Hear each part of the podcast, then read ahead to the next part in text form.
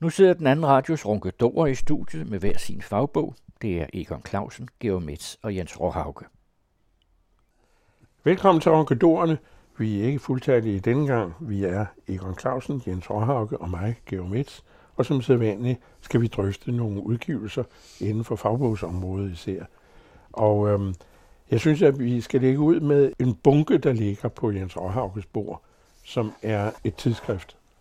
Ja, Dagbladet Politikken må have erkendt, at de har udviklet sig til at være en lidt overfladisk livsstilsavis. Så de har begyndt at udgive magasiner, som prøver at gå lidt længere i dybden med nogle temaer. Et af de magasiner, de udgiver, det er heldigvis ikke om mad, sådan et udgiver de også, men øh, det er om historie. Og øh, det er faktisk blevet meget læseværdig serie, fordi de er bygget op sådan, så øh, hovedindholdet drejer sig om et tema, men derudover så er der altså også lidt andet stof, øh, som kan overraske. Der er sådan lidt godbid, og så er der et, lidt kuriosa, og det er fornøjeligt at afveksle en læsning. Og for sådan at spille op til den næste bunke, vi muligvis skal høre om, fordi Georg har også mange bøger med, så har de for eksempel udgivet et øh, uh, temanummer om Kina, som uh, handler om handel, kejsermagt og folkemord. Og, og der er rigtig meget øh, spændende stof i det om øh, vores forhold til Kina gennem tiden. Men så er der også i det, som i alle de andre, man taler så tit om, hvad man kan lære af historien. I hvert øh, bind her er der en kontrafaktisk historie, som handler om, hvordan verden ville have set ud, hvis der var blevet truffet et andet valg på et eller andet tidspunkt i historien. Og øh, her i øh, nummer om Kina og Øst og Danmark, der handler det altså om nogle af de beregninger, der var omkring et atomangreb på Danmark. Det var ret spændende læsning, så det kan man gå ombord i øh, Kina-nummeret, men jeg vil hellere kaste mig over det andet, fordi jeg ved, at Georg også har en bog med om genforeningen, som man kalder det. Der har de lavet et genforeningsnummer, som dels har nogle historier, som er sådan lidt, lidt ukendte for os, der ikke er faghistorikere i hvert fald. Men det der besynderlige og fantastiske øh, politiske kunststykke, det har været at lave en, en folkeafstemning og, og lave folkenes selvbestemmelsesret. Det er jo stort set de eneste, som er, er kommet overens med de store tanker fra slutningen af Første Verdenskrig. Men der, der skal man lige holde tungen nede i munden, fordi Sønderjylland er jo noget indviklet noget, fordi vi tror, det er sådan en veldefineret størrelse. Her kommer man altså ind og ser, hvordan der bliver foretaget nogle delinger, og der er også øh, lidt om stridighederne omkring de delinger. Men først og fremmest så bliver man klogere omkring det her spørgsmål. Men så bliver det ført videre i det her nummer, sådan så vi faktisk også får en fornemmelse for, hvorfor er der så meget bøvl med Orbán og Ungarn? Fordi der var jo også nogle forhold efter Første Verdenskrig, som spillede ind, og hvor man faktisk, det man løste øh, som problem i Danmark med nogle mindretal, det skabte man faktisk i etableringen af Ungarn og nogle af de stater. Så de trækker sådan nogle tråde ud på, på kryds og tværs. Og så til husarerne, der er der lidt de første hippier i Danmark og om Christian Lyngbo, øh, som øh, var maler og dybt besynderlig i sin adfærd, set med datidens øjne. Så en meget, meget dygtig maler. Han var dygtig, og han var alternativ ud over alle grænser, både som maler og i sin livsførelse. Og øh, så fører man endnu videre, fordi ved genforeningen, der er man også nødt til at tale lidt om, om Tyskland, og så er man nødt til at snakke lidt om Stasi, og så kommer man faktisk også ind på det her helt vidunderlige, at øh, Socialdemokratiet i Danmark nu mener, at vejen til frihed er overvågning. Så det, det er en anden artikel, der er i det. Så det er bare for at vise, at det her konglomerat, man får ind ad døren hver eneste gang, det er altså spændende. Og jeg har det sådan, at det første, jeg slår op på overhovedet, det er kuriosa. Fordi man vil gerne underholdes. Jeg fik det allerede ved det andet ben. Der var der under kuriosa et kalkmaleri, fra en kirke i Nordjylland af en øh, gris, der står op med højhælede sko på en armbryst og står der til skue for menigheden, og så står der fuld af lort, øh, ved den godt nok på latin. Men kuriosa her i det nummer, som handler om danske nazister, så også er spændende læsning. overraskende, det er, at man ikke vidste, hvor trækfuglene blev af i begyndelsen af 1800-tallet. Nogle troede, de gik i hi, andre de antog anden form, og der var mange teorier.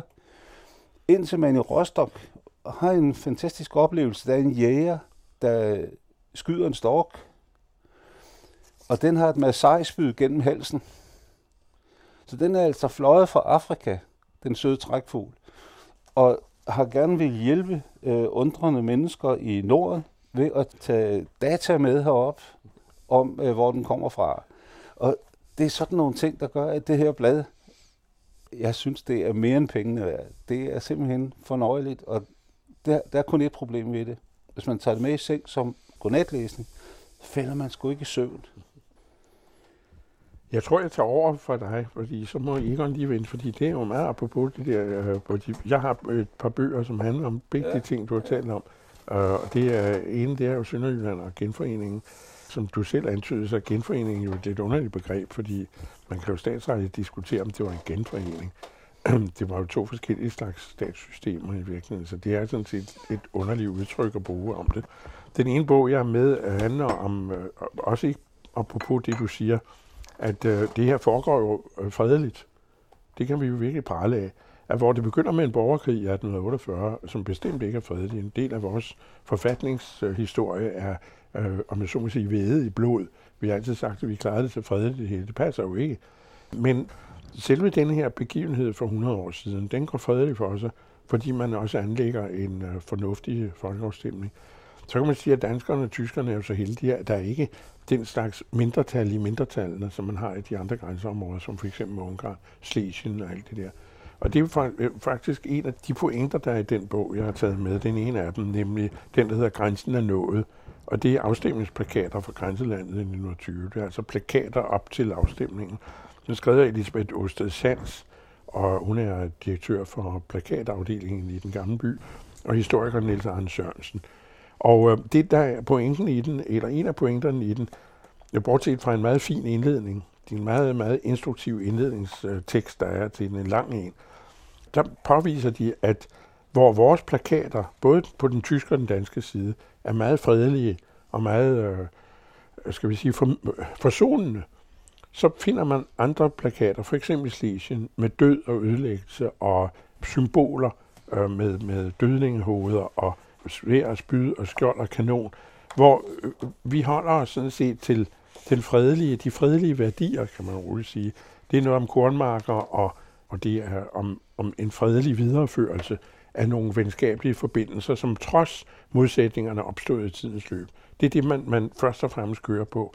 Men øh, som I kan se her, er der afstillingsplakater fra de øvrige lande, eller de øvrige grænseområder, som kommer ind under Wilsons, præsident Wilsons øh, selvbestemmelsesprincipper. De her principper, han stiller op, punkterne, han stiller op i Versailles-freden. Og der øh, er det ikke usædvanligt, at man laver sådan en plakat, og det er en af dem, der er i øh, Østrig, mellem Ungarn og Østrig, og hele Slesien spørgsmål, hvor de virkelig forestiller et forlis med skibet Østrig, der går ned, og de stakkels mennesker, der går til grunden, og de råber SOS, hjælp os, øh, og andre, det er som sagt øh, dødninghoveder.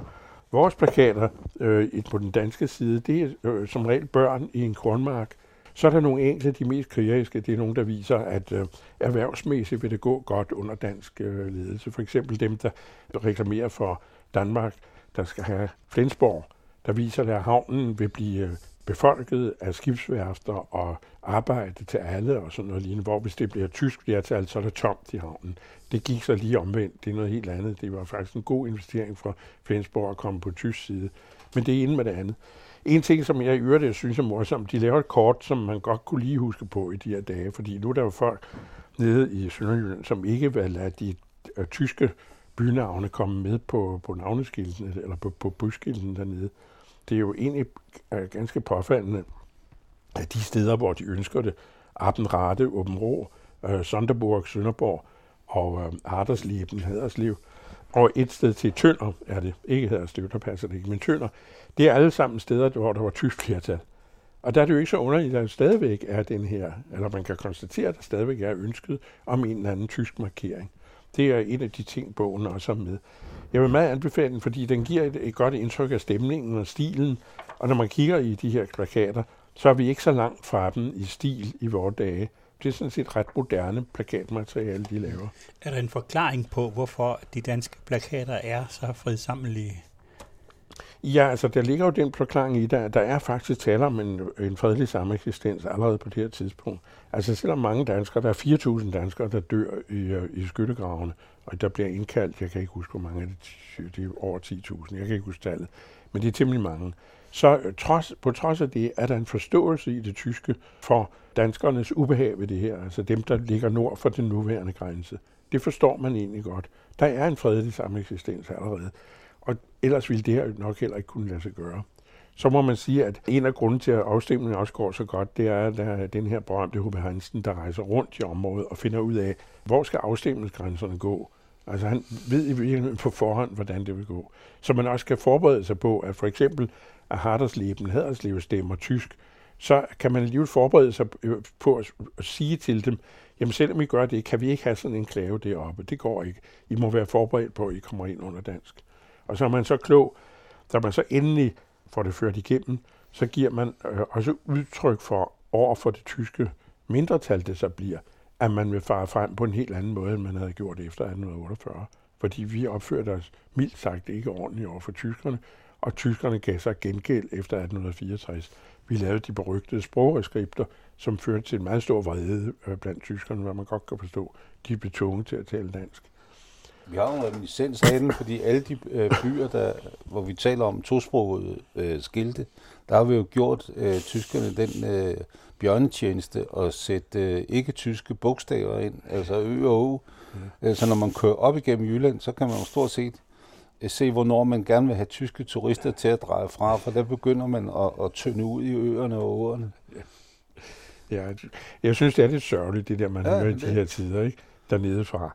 Jeg kan ikke forstå, at, at de borgmestre, der er dernede, siger til deres borgere, altså hør nu her, det er, det er for slapt. Det, det er rigtigt, det er for slapt, ikke? Altså, Hvad men, er det for noget pjat, det her? Men det går altså, anderledes på den anden side af grænsen. Tyskerne er jo vældig gode til at imødekomme deres mindretal ved at sætte tosproget vej. Ja, jo, jo, altså, altså syd for grænsen i Flensborg, der står nu i stedløben. Når det står der, så er det på grund af det tyske flertal i Flensborg by. Danskerne, de øh, stridte imod på mange måder, og de forlangte også, at de der krigeriske plaketter, der står på, den, på, på foden, at de skulle blive det, men de blev taget ned. Men altså, tyskerne insisterede, der var et, et flertal i Flensborg byråd, som insisterede på, at de, de ville gerne have den, og så skulle løven være et symbol på fred og fredelig ja. sameksistens. Og det var der rigtig mange danskere, som ikke forstod eller ikke ville forstå, og jeg tror, det er den samme forstenede øh, opfattelse, som gør sig gældende omkring de der byskilte, og jeg kan slet heller ikke forstå, at der ikke er nogen borgmester, som simpelthen påtager sig deres politiske ansvar og siger, kære venner, altså vi lever ikke i 1848, men det tør de åbenbart ikke. Og det, det altså vidt jeg forstår, jeg kommer jo en hel del dernede, så er dem, der protesterer imod de der tosprogede skilte, det er dem, som vi i medieverdenen kaldte de sædvanlige mider. Ja. Det er dem, som hele tiden melder sig med læserbreve, som kritiserer et eller andet, og sådan noget, og som, altså vi kender dem jo godt, det der, som hele tiden, som nu har fået en vældig vind i sejlene i kraft af Facebook og hvad det nu hedder, ikke? Og det er ikke engang mindre, og det, de, så vidt det ved, repræsenterer de ingen. Det ville jo have været en flot gestus i anledning af genforeningsdagen at sige, selvfølgelig gør ja. vi det her nu, ikke? Det kan man da håbe på, at de når at gøre.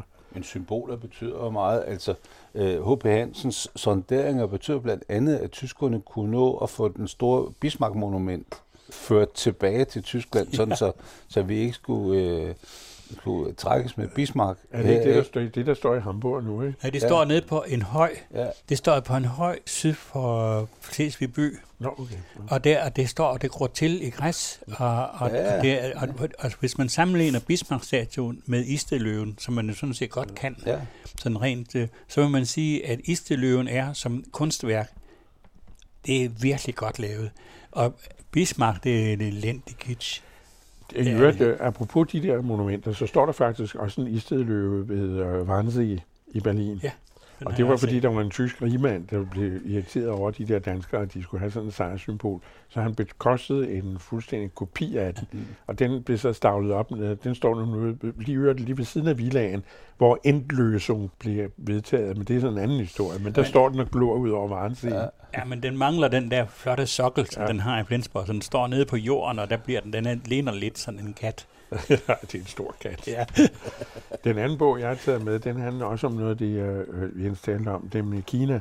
Og det er igen en af de her coffee table udgivelser, som vi taler om, og som ofte har et dårligt ry.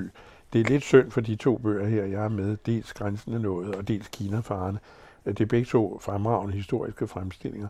Kinafarerne er simpelthen en analyse af hele den danske handel på Kina øh, i 1700-tallet. Det, der er med til at lave det, vi kalder den florisante periode, altså hvor danskerne skovler penge ind på handel. Og øhm, det er en beskrivelse både af de folk, der rejser dertil og laver forretning på det, af skibene og af stedet, hvor de handler i Kina. Det er fortrinsvis Canton, der er de lov til at handle. Det, jeg synes er interessant, det, det det, jeg selv har fået ud af bogen. Ja, det synes jeg selvfølgelig er interessant. Det er, at øhm, vi taler jo tit om det danske, det har været på mode i historieskrivningen i nogle år, og man taler om det danske imperium, og dermed tænker, tænker man jo på Valdemar Sejr, der erobrede Estland, og at vi havde interesser i Baltikum, og at vi øh, havde nordatlantiske besiddelser, og Sverige i sin tid, og Norge over England, du engang bød, og alt det. Men øh, det, man kan sige i 1700-tallet, hvor de andre store magter skaber egentlige imperier i, i Indien, i Afrika, og de prøver på det lidt senere i Kina, der kan man sige, at vores imperium i virkeligheden er flåden. Altså handelsflåden støttet af krigsflåden i et omfang, som øh, lande af samme størrelse som os ikke ville have været i stand til. Altså dermed skal man ikke sige Danmark, man skal sige Danmark-Norge, der skaber den her, det her, om jeg så må sige, flydende imperium, altså man er fuldstændig afgørende for vores indtjening. Og hvis man ser sig om i København, øh, så kan man se at resultatet af den her handel, ikke mindst på Kina, hvor mange penge man skovlede ind. Og der så også var slavehandlen med, det skal selvfølgelig også ind i billedet. Men det var først og fremmest den her handel med de meget kostbare krydderier, og hvad man ellers fik porcelæn ud fra Kina, hvad man ellers skulle rejse ud og hente mange gange flere hundrede, nogle gange tusind procent hjem i fortjeneste. Så de folk, der virkelig påtog sig risikoen og sejlede ud, det tog nogle gange helt op til fire år, rejse frem og tilbage og handle derude, kom hjem igen, og undervejs var der mange, der døde på skibene. Men de, der kom hjem, de kunne altså indkassere fuldstændig fantastisk beløb og blive meget velstående og investere videre i handel. Så det er en meget afgørende side i dansk handelshistorie, det hele taget i Danmarks historie. Jeg vil meget anbefale. Det er også en ualmindelig flot bog, som øh, er altså på enhver måde illustreret fremragende. Og det er igen vil jeg fremhæve de forlag, der tager den her risiko, øh, Gads forlag igen, som, som laver mange af de her bøger. Jeg er fuld af beundring for det. Så kan man sige, at det er underligt, at Gyldendal ikke også gør det lidt, fordi det er jo det største af forlagene. De gør jo ikke ret meget mere. Det, som, som jo ligger i de her øh, bøger, det er jo ofte, at de er meget støttede, så der er ikke så stor risiko ved at lave dem. Så derfor er det jo i og for sig bare et forlag, der skal sige, nu gør vi sådan nogle ting, og det synes jeg, de skal have meget ros for. Ikke? Jamen, øh, den her bog, der skal vi hverken til Sønderjylland, eller Sydslesvig, eller Kina. Vi skal til, øh, til England, til Nordengland, til øh, det, der hedder The Lake District, som ligger op i den nordvestlige del af England, i nærheden af den skotske grænse, og som er et meget smukt øh, landskab med søer og små bjerge, eller højdedrag. Dramatisk er det med de der skråninger, og der har der mm, i århundreder, øh, i de der dale, som er der, der har der været en ganske speciel kultur omkring foravl. Og det er den bog, som øh, jeg øh, vil anbefale meget. Den øh, øh, beskriver det der liv, som jo i lang tid blev den del af England, The Lake District, helt op i 1700-tallet, blev det opfattet som sådan et fattigt, tilbagestående sted, hvor der boede dumme mennesker, altså hyrder og sådan noget. Men så sker der det en gang øh, i slutningen af 1700-tallet, at der kommer en øh, ung digter, som hedder William Wordsworth. Og det, hvis I har læst engelsk, så vil I sige, at han er øh, øens lærer 2,0. Han er helt vidunderlig. Og han faldt fuldstændig for det der landskab og for de mennesker, der boede der. Så han slog sig ned, købte et hus og boede der resten af sine dage og blev jo så en meget berømt og det er velfortjent forfatter. Den bog, som jeg sidder med her, er skrevet af en forhørtes søn, James Rebanks. Hans far var forhørte, hans bedstefar var for så langt tilbage i øh, tiden, som, som han kan regne ud, så har de boet der og været forhørter. Og det bliver han ved med at være. Og han fortæller også om, hvordan han voksede op som sådan en dreng, der kun havde det mål i sigte, at han skulle blive forhørte, ligesom sin far og sin bedstefar. Og i skolen, der var der jo sådan nogle begavede børn. De kom på mellemskole, andre sagde man, han blev, fordi han ville være forhørte. Og så som ung mand gik han jo på pop som alle de andre, og der på, på poppen ved siden af, der var der en hylde med nogle sådan slidte bøger. Og der fik han, tog han en af dem. Og det var en, som, havde, som beskrev det der område. Og da han gik i skole i øvrigt også, så havde han en, en, en lærerinde, som han foragtede dybt. Men hun fortalte om ham der Wordsworth.